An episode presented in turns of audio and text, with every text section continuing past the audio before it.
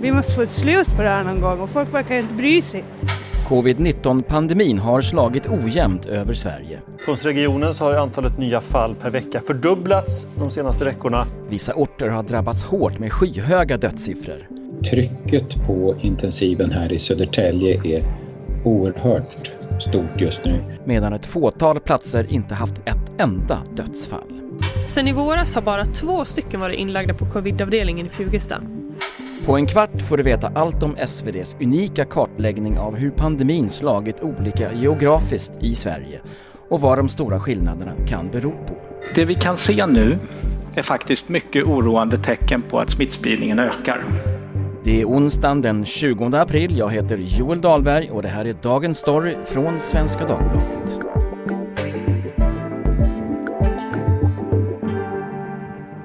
Per Kudo och Therese Bergstedt, reportrar här på Svenska Dagbladet.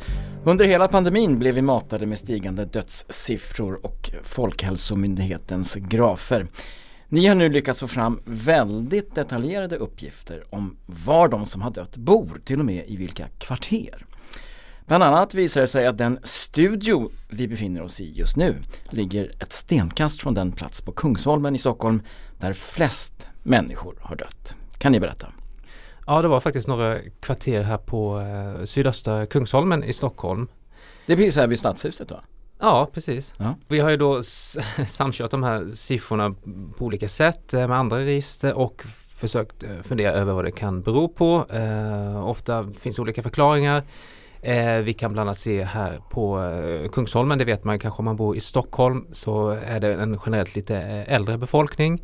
Och även då den här platsen eh, sydöstra Kungsholmen så ligger ett ganska stort eh, äldreboende, eh, Serafen heter det. Ah, så det är förklaringen att det var ett stort äldreboende på den platsen?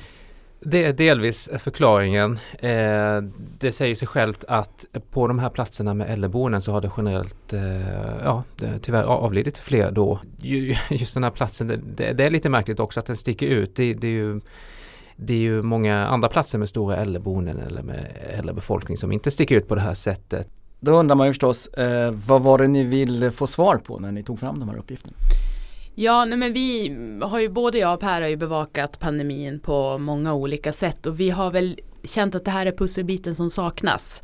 Att vi har rapporterat väldigt mycket, det vet ju alla som har följt pandemin, det kom flashar varje dag om dödsfall. Men var var det de dog? Eh, och vi har ju också haft en känsla av att pandemin har drabbat Sverige väldigt olika. Jag kommer själv från Norrbotten, här från Småland. Mm. Att vi har ju kunnat se att, att det har varit, och vi bor i Stockholm båda två, att man har kunnat se att det på många sätt har varit nästan två pandemier.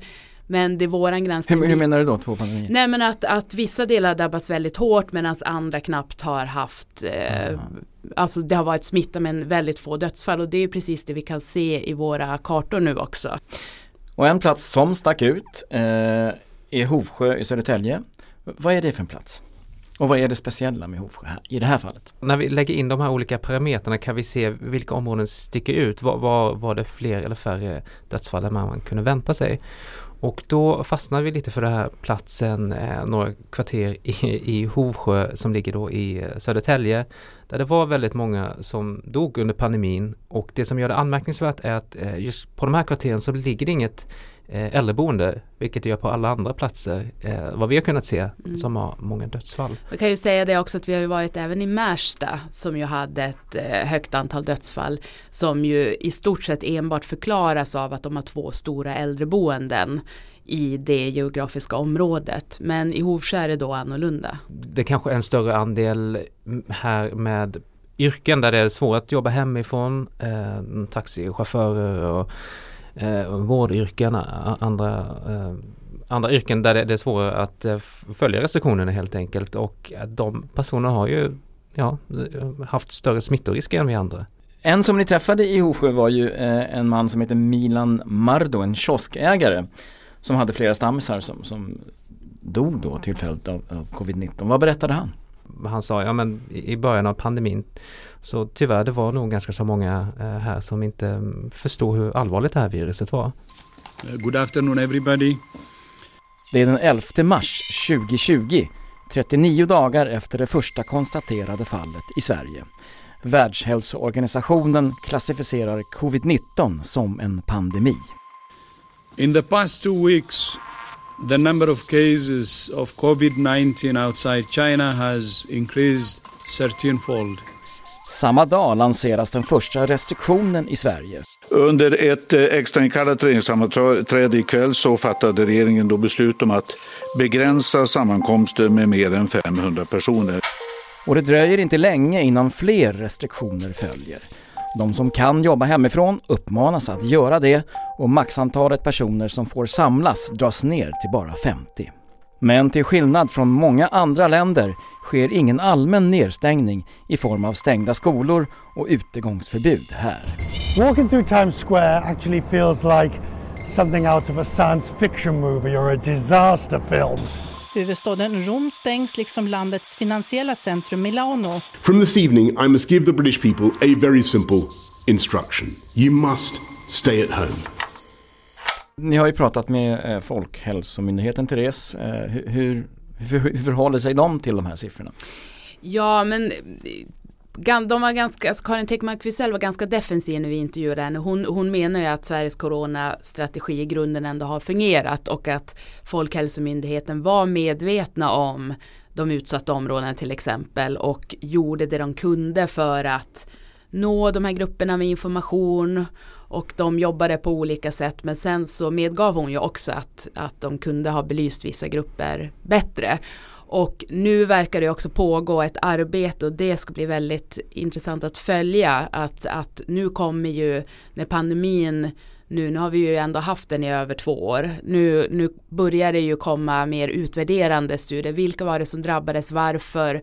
Vad hade de gemensamt? Folkhälsomyndigheten håller på att titta på. Vad, hur kom smittan in i vissa grupper?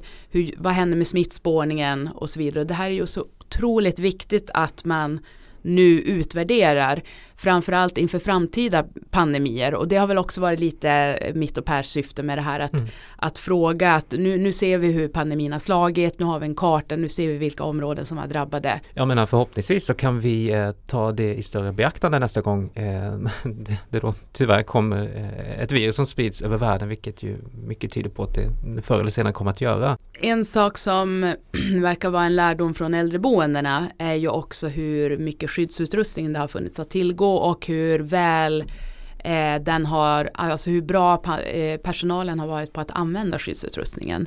Eh, utbildning av personalen hur man använder den rätt verkar vara ett jätteviktigt. Det är väl en slutsats som, som eh, vi väl kan dra eh, utifrån mm. de vi har pratat med i mm. granskningen. Mm. En eh, annan sak ni har hittat är ju platser där man inte haft några dödsfall alls. Eh, där det är svårt, det är intressant att, att, att studera. Kan ni berätta om det? Eh, ja men det, det, är några platser i Sverige som har klarat sig under de första två åren av pandemin helt utan dödsfall i covid-19. Eh, det är dels några eh, kommuner i Västerbotten och sen så är det en kommun som heter Lekebergs kommun mittemellan Karlskoga och Örebro. Eh, där så hade man, där var det ingen som dog under 2020 och 2021. Och det här, när ni, när ni såg det här, vad tänkte ni då? Nej men det var ju intressant därför att, att Västerbottens inland, att de inte haft så många fall. Det kanske inte är jätteförvånande, det ligger lite avsides och så. Men, men det här är en pendlingskommun som ligger mellan två tätorter och Örebro är ju en storstad.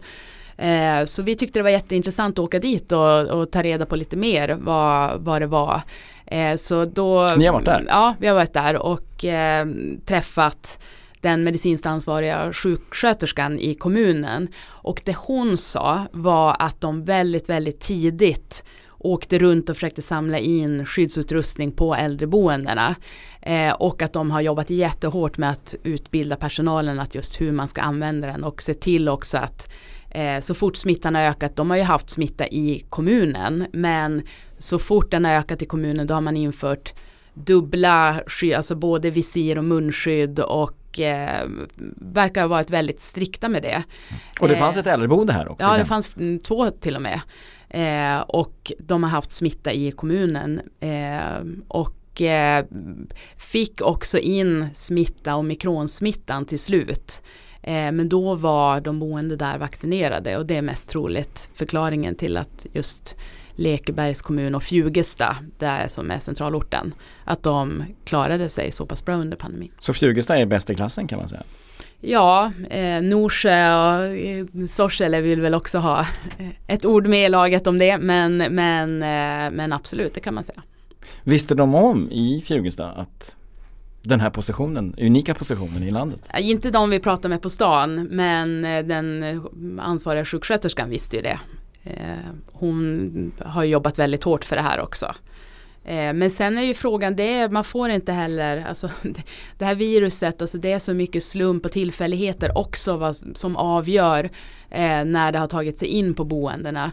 Så att eh, det, det, är både tur och skicklighet, en kombination skulle jag säga börjar bli dags att öppna upp Sverige igen. De sista pandemirestriktionerna i Sverige upphörde den 9 februari 2022.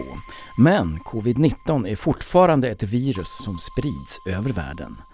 Det rapporteras ständigt om nya utbrott av den smittsamma mutationen omikron BA2 samtidigt som fall av de nya varianterna BA4 och BA5 också upptäckts. Den har väl helt uppenbart visat sig vara mer benägen att smitt, smitta och sprida smitta eh, än deltavarianten i andra länder. I slutet av mars hade Australien en ny allvarlig smittovåg och Kina, där allt började, upplever just nu de högsta smittotalen hittills.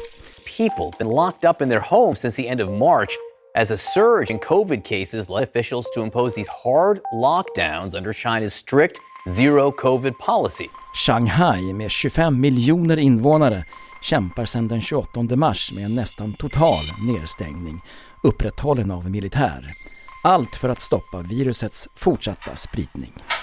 I februari så lyfte regeringen alla coronarestriktioner och covid-19 slutade klassas som en samhällsfarlig sjukdom. Kan man säga att pandemin är över?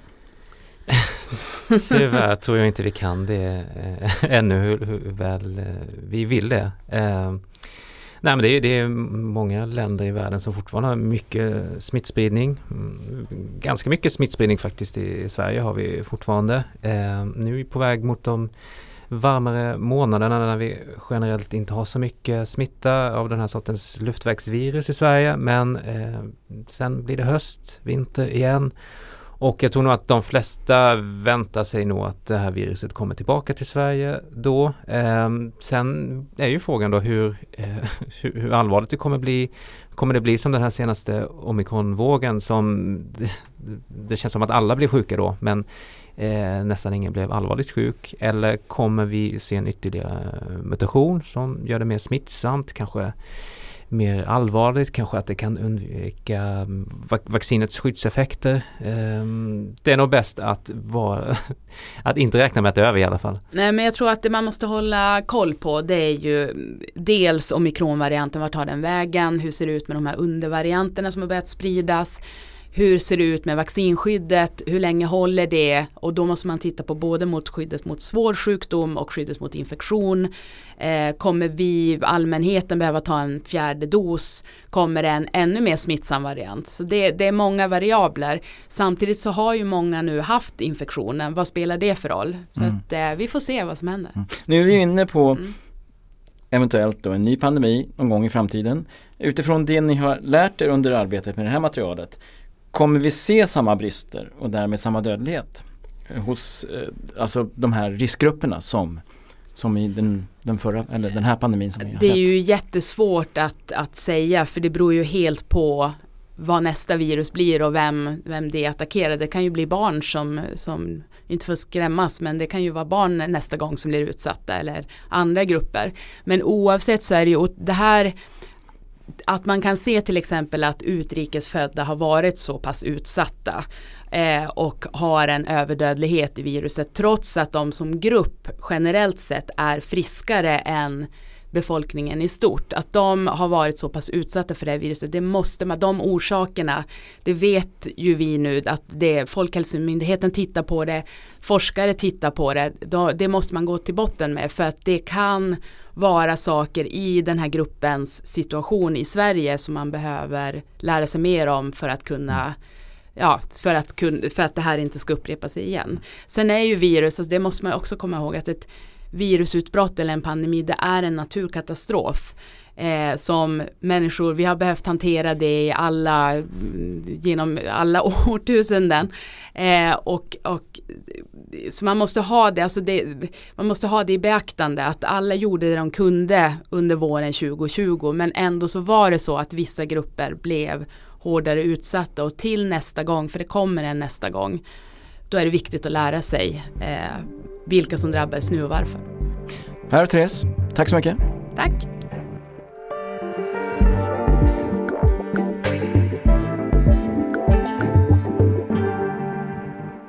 Vi som har gjort programmet idag är producent Martina Pierrot, redaktör Teresa Stenler von Matern och jag heter Joel Dahlberg. Ljudklippen i avsnittet är hämtade från SVT, Sveriges Radio, Folkhälsomyndigheten, Regeringskansliet, Expressen, CNN och BBC.